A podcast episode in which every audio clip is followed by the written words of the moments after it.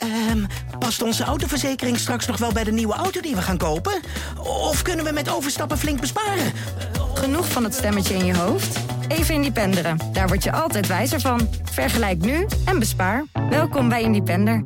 Ben jij de aangewezen persoon als het gaat om spellen en taal? Doe dan mee met Het Woord. Dagelijks krijg jij vijf kansen om het woord van de dag te raden. Door middel van hints raad jij het woord. Ga naar ad of jouwregionale titel.nl slash het woord.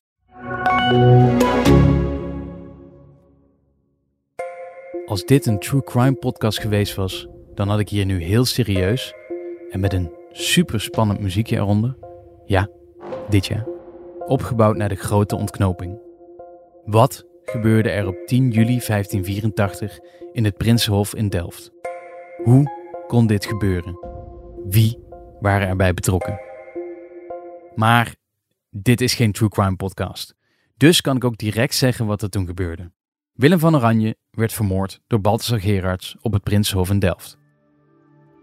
Het doet me een beetje denken aan een politieke moord uit onze eigen tijd. In 2002 werd op het Mediapark Pim Fortuyn vermoord. Hij was even daarvoor te gast bij Ruud de Wild op 3FM. Een uitzending die ik zelf luisterde terwijl ik, tussen haakjes, braaf huiswerk aan het maken was.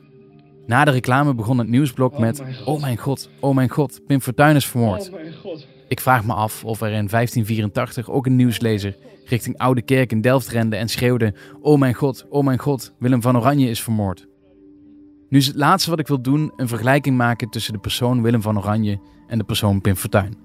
Nou ja, misschien dan dat ze allebei van kleine hondjes hielden. Maar die middag in mei 2002 in Hilversum heeft heel wat gemeen met die middag in juli 418 jaar eerder in Delft. Allebei waren het namelijk Nederlandse politieke moorden. Dit is Van Oranje, van Willem tot Amalia.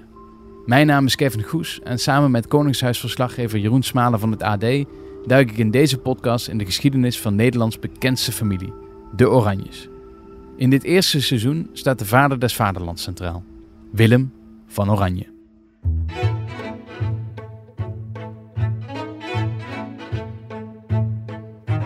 Nou Jeroen, ehm, waar zijn we de vorige aflevering gebleven? Nou ja, we hebben het over die oranje invasies gehad. Hè? Niet die met snollebolletjes, zoals jij liet. Links-rechts, nee, dat, die niet. Nee, links-rechts, maar dan op een andere manier met uh, allemaal militairen. Uh, we hebben het over Leiders Ontzet gehad, over die verschrikkelijke Spaanse furie in Antwerpen, over de, de pacificatie van Gent, eigenlijk over de geboorte van Nederland. Ja, ja, dus we hebben toen uh, zeg maar de, de gloriejaren van Willem van Oranje behandeld. Hè. Hij had het allemaal goed voor elkaar. Die Nederlandse gewest die had hij aan, aan elkaars zijde. Uh, iedereen was tegen de Spanjaarden. Ja, het liep uh, gesmeerd voor hem. Ja, daarom, ja, weet je, heette hij ook de vader des vaderlands. We hebben ook geleerd dat hij dat heel goed zelf in, in de wereld heeft geholpen. Zeker, ja. met, met, een, met een social media apparaat achter zich aan dat is ongekend eigenlijk. Ja, en René van Stipriaan, onze biograaf, die noemde hem ook Willem de Landverrader. Ja, omdat hij eigenlijk een, een, dubbelspel speelde. Hè? Want hij zei dat hij trouw was aan de Spaanse koning. En tegelijkertijd zorgde hij voor een landje voor zichzelf. Hertekende hij de kaart van Europa, zoals René zei. Um, en dat maakte hem volgens René toch echt ook een landverrader. Dat is de andere kant hè, van Willem ja, van Oranje. Ja.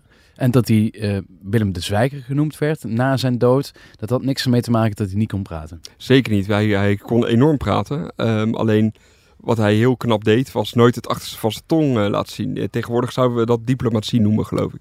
Ja.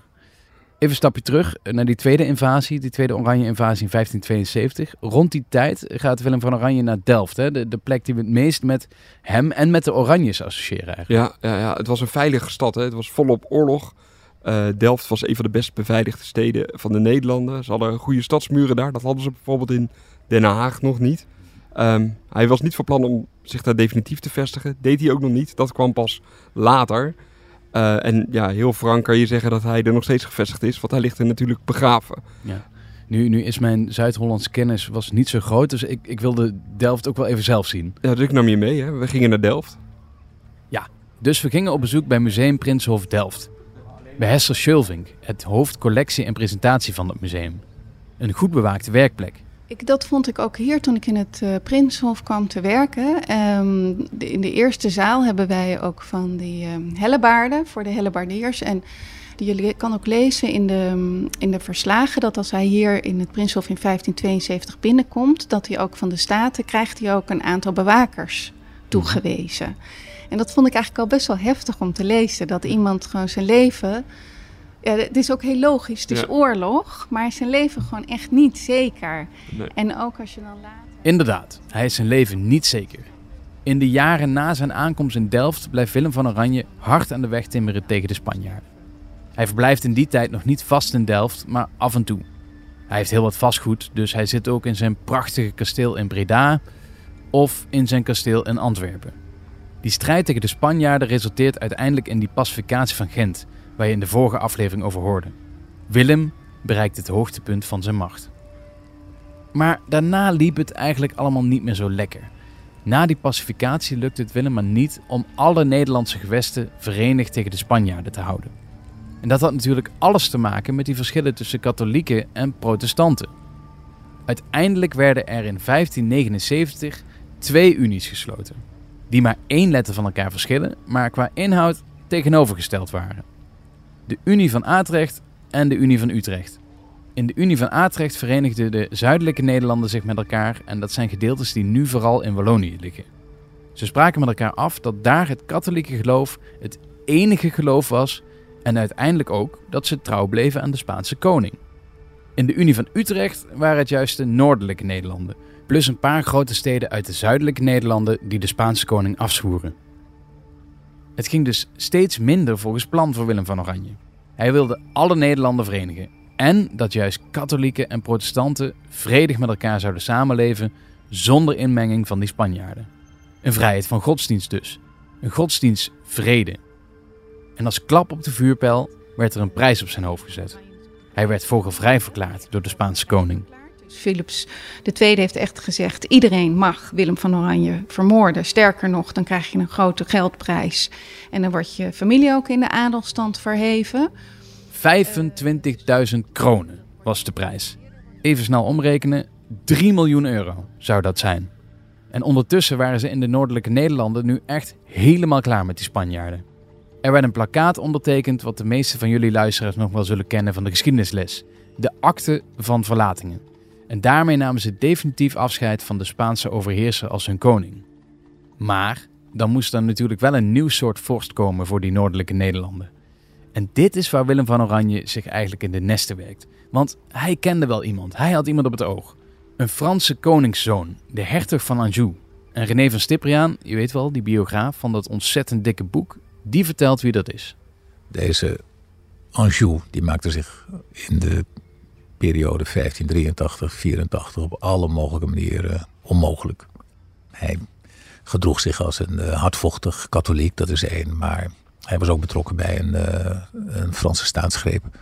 Hij liet zich eigenlijk weinig gelegen liggen aan, aan alle subtiliteiten die dat, die dat burgerlijke bewind van, van, de, van de gewesten uh, gestalte gaven. Die subtiliteiten had hij, had hij weinig boodschap aan. Dus hij begon ook al trekjes van een alleenheerser te, te vertonen. En Oranje was de, degene die hem in de lucht hield en die, die dit gepropageerd had. En die Franse politiek van Oranje die maakte hem heel erg impopulair. En met name bij de groep die in die voorgaande jaren de grote machtsbasis, de grote machtsfactor van Oranje had gefungeerd. En dat waren de Calvinisten. De Calvinisten zijn op dat ogenblik al bijna twintig jaar de, de grote stoottroepers van uh, Oranje. Uh, en die Calvinisten weten ook heel goed waarvoor ze het allemaal doen. Ja, die, willen, die willen in vrijheid hun godsdienst kunnen beleiden. En elk, elk, elk teken dat de katholieken daar mogelijk uh, toch weer de vinger tussen kunnen krijgen, de voet tussen kunnen krijgen. Ja, vinden, is, is beangstigend. Dus dat roept heel heftige tegenreacties dus, op. Dus de prins had zich een beetje vergalopeerd. Hij had zichzelf eigenlijk een beetje in een hoek klem gezet. En dat is de situatie in 1584, dat hij nog maar heel weinig vrienden over heeft. Niet geheel onbelangrijk trouwens, Willem van Oranje was vanaf 1580 definitief in Delft gaan wonen. In het Sint-Agatha-klooster, dat inmiddels door al zijn verblijven een andere naam had gekregen. Het Prinsenhof. En daar zat hij dus. In Delft, in een oud klooster, met een prijs op zijn hoofd en met heel weinig vrienden. Iedereen kon hem op dat moment vermoorden. Nou, dat ziet er niet al te mooi uit voor onze Willem. Ja, nee, hij, hij loopt daar dus rond, daar in dat oude klooster in Delft, el- met het idee dat hij elk moment vermoord kan worden. Lijkt me niet heel fijn. Nee, want eh, er zijn echt al meer mensen naar hem op zoek, hè?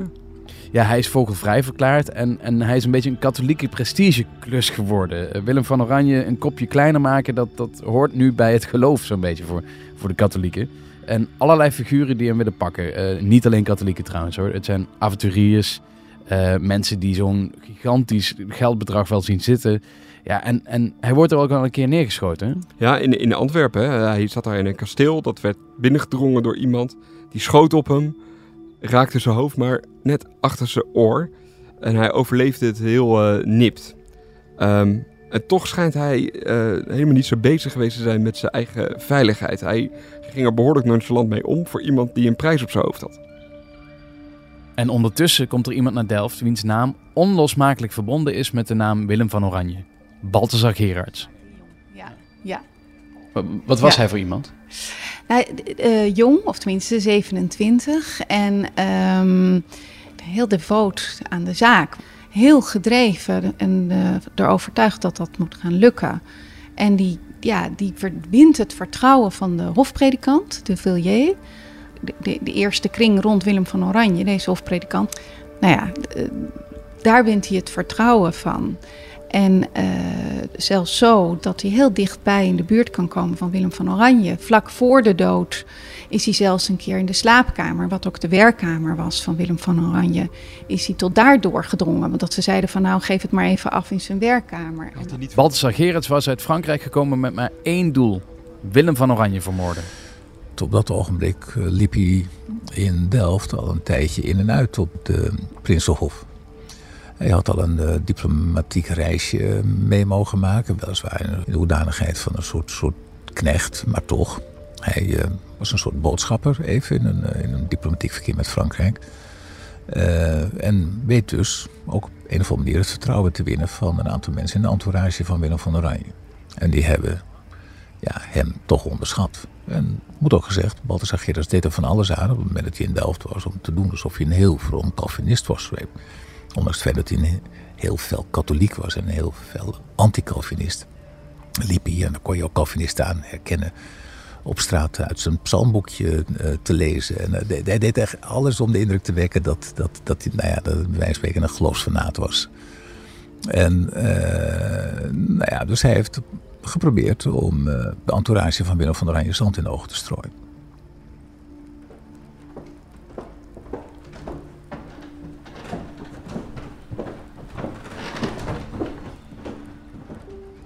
Nou Hester, dit is de plek waar het eh, gebeurd is. We zijn eh, de trap afgelopen, trap op eh, door allerlei zalen. En nu staan we bij de trap waar uh, Balthasar Gerards Willem van Oranje vermoord heeft. Wat mij meteen opvalt, ik dacht dat het een heel ehm, smal trapje was. Maar dit, hij had genoeg ruimte om, om het te doen. Ja, ja, nee, nee. Het, het, het is eigenlijk, deze trap is vlak voor zijn dood ook aangelegd. Omdat het toen werd het duidelijk dat hij hier langer eigenlijk zou blijven. en nou ja, de- verder zal je zien dat er zijn ook heel veel speeltrappen hier in dit klooster. Het was natuurlijk een klooster. Dus er, dit, dit was echt een statietrap. Die, eh, die ja, vlak voor zijn dood eigenlijk net was er een hele verbouwing geweest. Dus ja, want we weten eigenlijk best wel. eh, er zijn allemaal en ooggetuigenverslagen geweest. en eh, verslagen die vlak na de moord eh, zijn opgeschreven. Dus dan kan je best wel reconstrueren wat er nou eigenlijk precies gebeurd is. En ehm, hij zat hier dus in het gastenkwartier hiernaast te eten. Met eh, de, de, de burgemeester van Leeuwarden was op bezoek. Er waren natuurlijk heel vaak mensen op bezoek. Maar hij zat er ook met zijn zus, Catharina van Nassau. Die, eh, eh, en zijn vrouw, Louise de Colonie. En ook eh, kinderen. Maar we weten dus niet welke kinderen precies. Maar dat moeten dochters zijn geweest van Charlotte de Bourbon. En dat hele gevochten, maar dus heel, hij zat echt met zijn familie ook te eten, behalve natuurlijk die, die burgemeester. Want, en dan kom- komen ze met z'n allen komen ze naar buiten. En dan eh, de, de stalmeester, die loopt voorop. En dan staat Balthasar Gerard, die staat dus hier. Die schiet over het hoofd van twee pages. En dan zakt Willem van Oranje ineen. Die pakt nog de schouder van die stalmeester. Die probeert hem op te vangen. en op de trap eerst te leggen. En dan zijn er dus ook getuigenissen, wat ik ook altijd heel, ja, heel aandoenlijk. Dat hij dan dus met zijn hoofd in de schoot van zijn zus, van Catharina, wordt gelegd. En dat hij dan, want dat hij dan daar doodgaat. En dat En we zien, hier, hij had eh, eh, ook vrij ingenieus. Het, het geweer, dat, dat vinden we hier, het pistool. ja, het radslotpistool. Daar had hij drie kogels in zitten die met touwtjes aan elkaar vast waren gemaakt. Ja, ja nou en eh, sowieso wat bijzonder was van dat, eh, van dat pistool. Want daarvoor hè, moesten natuurlijk pistolen eindeloos geladen worden. En ehm, hier kon je met dit, dit kon je vooraf laden. Dus hij heeft die twee pistolen gehaald. eh, want hij had er twee. Mhm. Heeft ze allebei geladen en kon dus al met geladen pistolen naar binnen komen. En dat was ook echt na de moord, was dat ook in heel Europa en ook bij de vorstenhoven. Was er een enorme angst. Van ja, nu zijn we helemaal niet meer veilig. Want mensen kunnen gewoon met doorgeladen pistolen binnenkomen en dan ben je in één slag dood. Maar of Willem van Oranje echt direct stierf, dat is heel lang onderwerp geweest van discussie. Volgens de overlevering zou hij met zijn laatste adem legendarische laatste woorden hebben uitgesproken. Namelijk, Heere God, wees mijn ziel en dit arme volk genadigd. of nou ja, in het Frans natuurlijk, want Nederlands, hè, dat weten jullie al, dat kon die niet. Mon Dieu, mon Dieu, ayez pitié de moi, de ce pauvre peuple. Maar of dat echt zo gebeurd is, dat lijkt inmiddels wel vast te staan dat het niet zo is. Uit recent onderzoek blijkt namelijk dat het niet anders kan dan dat hij op slag dood moet zijn geweest, na door zo dichtbij te zijn geraakt. En daarnaast, hij wist ook al heel lang dat er een prijs op zijn kop stond. Waarschijnlijk was hij er dus wel op voorbereid. Grote kans dat het weer zo'n mooie PR-stunt van Willem van Oranje was. Balthasar Gerards probeert na de moord natuurlijk meteen te vluchten. Maar hij wordt al heel snel gepakt en verhoord. En tijdens die verhoren vertelt hij openlijk over zijn plannen en was hij trots op wat hij gedaan had. Hij wordt gruwelijk gemarteld. Even een mededeling voor gevoelige luisteraars. Ik zou nu 15 seconden doorspoelen. Want er gaan naalden onder zijn oksels, spijkers onder zijn nagels. Hij wordt opgehangen met gewichten aan zijn voeten. Met gloeiende tangen worden zijn armen, benen, tenen tot op het bot afgeknepen. Maar Balthasar geeft geen kick. Vervolgens wordt hij ter dood veroordeeld. Er wordt gevierendeeld en zijn hart wordt kloppend uit zijn borstkas gesneden en in zijn gezicht gesmeten. Uiteindelijk ging zijn kop eraf. Best heftig, toch? De stukken van zijn lichaam worden ter afschrikking op alle poorten van Delft gespiest. Ehm, Hester, we zitten tegen de muur aan. Ehm, en hier zitten die kogelgaten. Daar zit een mooi glasplaatje voor. Maar die glasplaat is niet meteen er tegenaan getimmerd door een van de dochters van eh, Willem van Oranje. Nee, nee, helemaal niet. Die zit er zelfs niet eens zo heel lang eh, op. Want ik, soms komen hier eh Delftenaren en die zeggen dan nog zo van... Ja, nee, toen ik jong was en met school naar het Prinshof ging... toen zat dat er nog niet voor. En toen mochten we allemaal nog met onze vinger in de kogelgaten. En vandaar dat, het- dat die gaten zo enorm diep Ja, en, en, breed zijn. Want ja, als dit de kogels zouden zijn, ja, dan snap ik dat die doorboord is. Maar Dan had hij een kanon bij zich. Ja. Ja, nee, dat moet echt minutieus zijn geweest. Maar omdat in de afgelopen eeuwen iedereen met zijn vinger erin ging... zijn ze zo idioot groot. dat is een beetje vergelijkbaar met... Nou Jeroen, dat, dat liep dus niet zo lekker af voor Willem uiteindelijk, hè? Nee, en voor Balthasar Gerards natuurlijk ook niet. Nee, dat verhaal... eh, ik ben blij dat we daar even een disclaimer hebben genoemd net. Dus ik hoop dat de mensen die zwak van maag zijn, dat die even doorgespoeld hebben. En wat jij ook nog interessant vindt, is dat verhaal over die lijfwacht, hè, die hem dat geweer heeft verkocht. Ja, die lijfwacht, die bodyguard, die werkte 30 jaar eh, voor Willem van Oranje. Die kon niet leven met het idee dat hij de moordenaar het wapen had geleverd. En eh, hij maakte daags na de moord met een dolk een eind aan zijn eigen leven. Een soort harakiri avant la lettre. eh, Precies, eigenlijk. Eh, trouwens, nog een mooi weetje, hè? zoals elke aflevering voor een pubquiz. Wist jij dat het hoofd van Balthasar Gerards gestolen is toen het daar in Delft werd opgehangen op een paal? Nee, dat wist ik niet. Nee. Ja, er is dus een katholieke kerel geweest die zijn hoofd als een soort reliquie heeft bewaard. Ene Sasbout Vosmeer. Ehm, die wilde het hoofd heilig laten verklaren door de paus. Maar na zijn dood is het niet duidelijk wat er nou met dat hoofd is gebeurd. Dus dat hoofd van Balthasar Gerards, dat is sindsdien spoorloos. Kijk, dat zou nou een goed onderwerp voor een true crime podcast zijn. Met een spannend muziekje.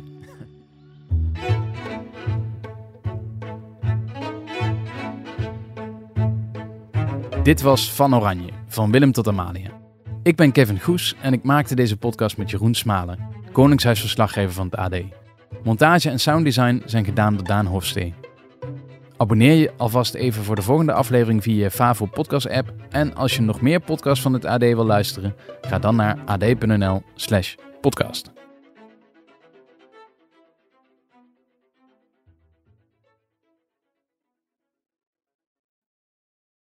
Ehm, past onze autoverzekering straks nog wel bij de nieuwe auto die we gaan kopen? Of kunnen we met overstappen flink besparen?